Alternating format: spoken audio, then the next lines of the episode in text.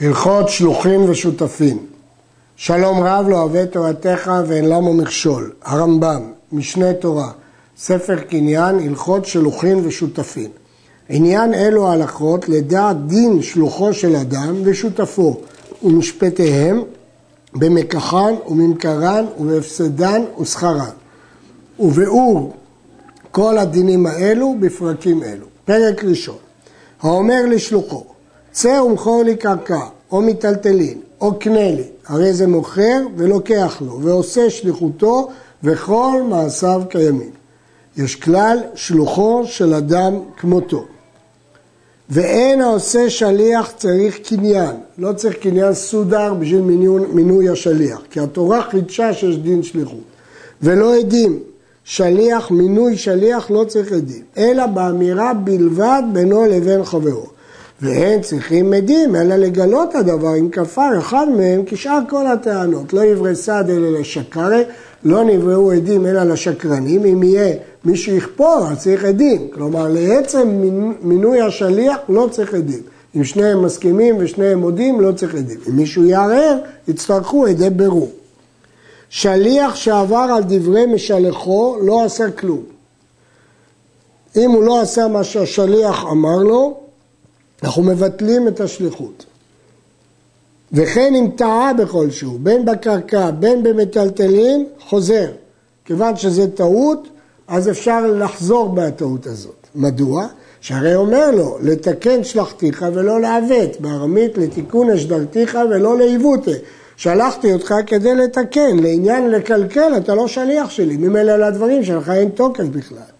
ולא אמרו שההוניה במיטלטלין שטות, והעבדים והשטרות והקרקעות אין בהם הוניה, אלא במוכר שלו, קונה לעצמו. אבל שליח שטעה בכולם בכל שהוא חוזר. למדנו שבמטלטלין, אם יש שטות בהונאה, חוזר.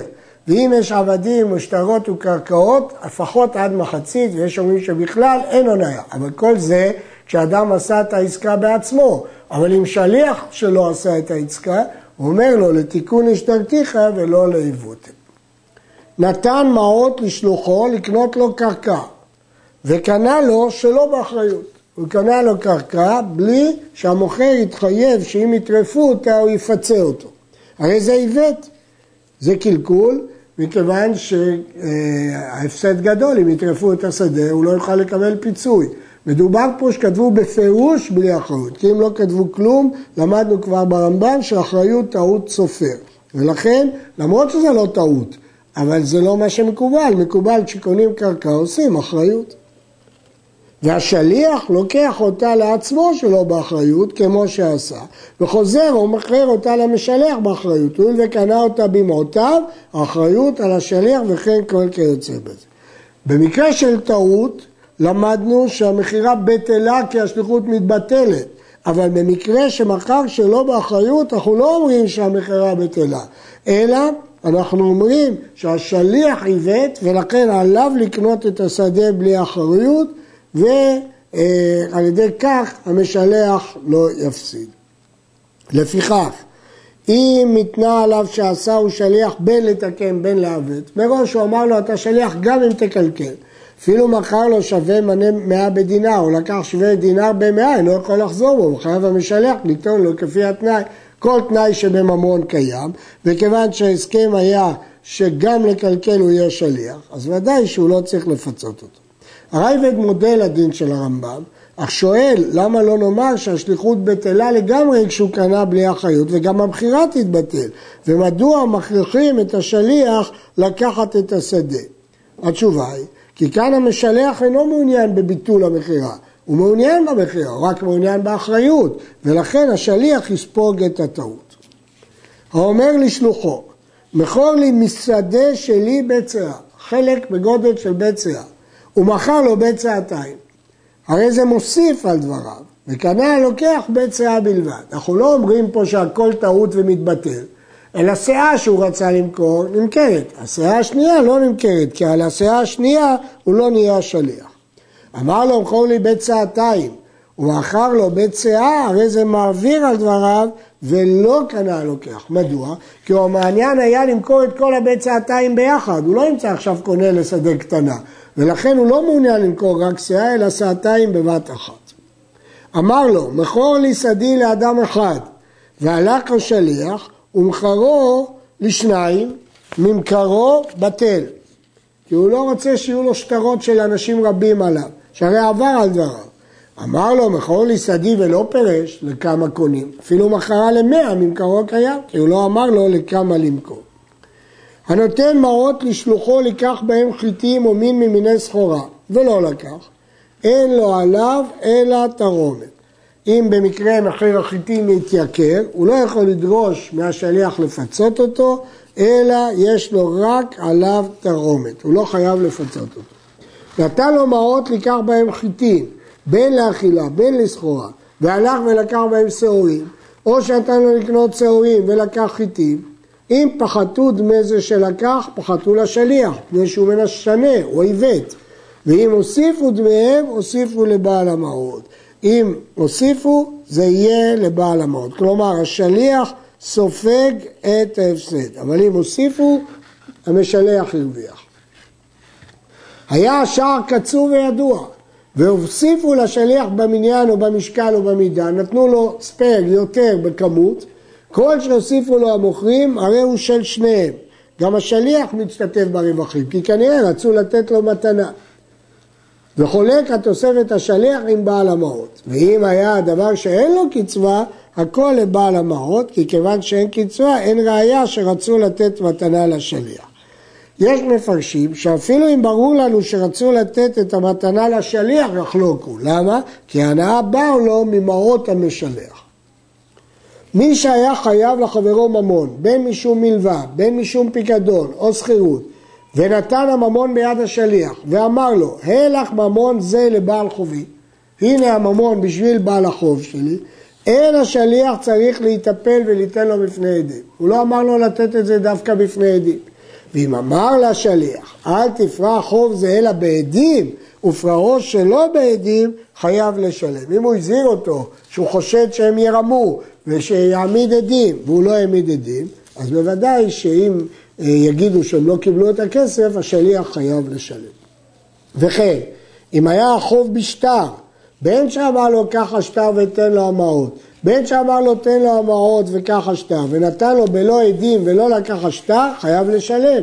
שהרי לתקן של החוב ולא עובד. כל אחד מבין שכשמחזירים חוב, קודם לוקחים את השטר ואחר כך נותנים את הכסף. ואם הוא עיוות, למרות שהוא לא אמר לו את זה בפירוש, זה עיוות להשאיר את השטר בידי בעל חוב אחרי ששילם לו את הכסף, ואין עדים, בוודאי שזה עיוות, ולכן במקרה אה, זה חייב השליח לשלם.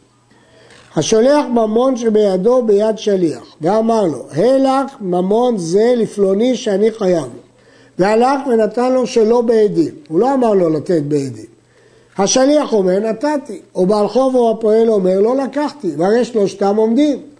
הנותן, המשלח והשליח, וזה שצריך לקבל את הכסף. השליח נשבע הסד שנתן ונפטר, כי הוא לא אמר לו לתת בעדים.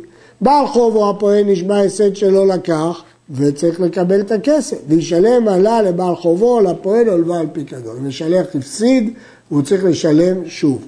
ואם היו השלוחים שניים, אין עדותם מועלת שיש פה שני עדים, מפני שהם נוגעים בעדותם, שהרי חייבים להישבע הסד.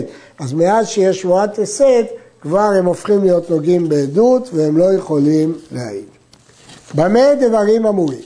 כשהיה השליח מכחיש את בעל חוב, והרי שלושתם עומדים, אבל אם בא שליח ואמר, נתתי כמו שאמרת לי, אינו יכול להשביע הסד שעשה שליחותו, שהרי אין שם טוען עליו טענת ודאי שלא עשה שליחותו. רק כשיש מי שטוען בבריא שהוא לא עשה שליחותו, אז יכול להשביע אותו הסד. אבל סתם, הוא לא יכול להשביע לו הסד. וכן אם מתו השלוחים הלכו להם למדינת הים, ובא בעל חוב לתבוע את הלווה, אינו יכול להשביע הסד שלא פרעו השליח, שהרי אין כאן מי שטוען עליו טענת ודאי שלקח, לא עומדים פה שלושתם ואומר לו אתה קיבלת. אלא מחרים על עובר חרם סתם ומשלם החור שעליו וכן כל כיוצא בזה. אין פה דין של שבועת הסת אלא של חרם. ראובן ששלח כתב לשמעון ואמר לו, מנה שיש לי בידך שולחהו לי ביד לוי. אתה חייב להימנה, תשלח אותו בבקשה ביד לוי. אם רצה לשולחו, אינו חייב באחריותו. כיוון שזו הוראה שלו עם מי לשלוח והוא קיים את ההוראה, הוא לא חייב באחריותו. בין שהיה מלווה, בין שהיה פיקדון, והוא שיכיר שהוא כתב ידו, שלא יכחיש אחר כך ויגיד אני לא כתבתי. ואם טען המלווה ואמר לא כתבתי ולא שלחתי לאדם, לא היו דברים מעולם. יישבע הלווה הסת שכתב ידו בא אליו ולפיכך שלח וייפטר, וכך הורו רבותיי. במקרה הזה הוא יישבע הסת וייפטר וכך הורו אה, רבותיו של הרמב"ם. אבל אם לא היה הכתב בכתב ידו, מביאים את הכתב, רואים שזה לא כתב ידו. או שאין הלווה יודע אם הוא כתב ידו או אינו. אפילו היו כתובים בו סימנים ואותות שביניהם בייחוד. אם טען ראובן ואמר לא שלחתי כתב, ואחרים רימו אותך, שמעון חייב באחריתו וישלם לראובן. אחר שיחרים על מי ששלח לו כתב זה מדעתו ולא יודע. ויש מי שהורה שישבע ראובן ואחר כך ייטול כדין כל הנשבעים ונוטלים. לוי שבא בשליחות ראובן ולקח חמישים משמעון ובא ראובן ואמר לא שלחתי לי כך אלא עשרים ועשרים בלבד הביא לי הרי ראובן נשבע שלא שלחו כך אלא עשרים ועשרים בלבד הביא לו, כדין כל מודה במקצת, כי היום הוא תובע ממנו חמישים והוא מודה בעשרים, אז הוא מודה במקצת, ולכן הוא חייב להישבע שבועת מודה במקצת.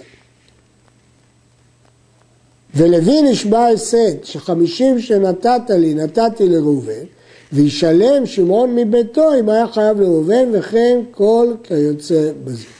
יש פה דבר חריג שהרי ראובן נשבע שבועת מודה במקצת אבל הוא לא נפטר, שמעון ישלם לו, כלומר הוא נשבע ונוטל, אז זה לא בדיוק שבועה של מודה במקצת. זאת קושיית הכסף משנה. הכסף משנה מתרץ בדוחק שיש בו באמת שני מקרים שרמוזים פה ברמב"ם, אבל זה מאוד קשה לומר כי הרמב"ם דיבר בפירוש על מקרה אחד. עד כאן.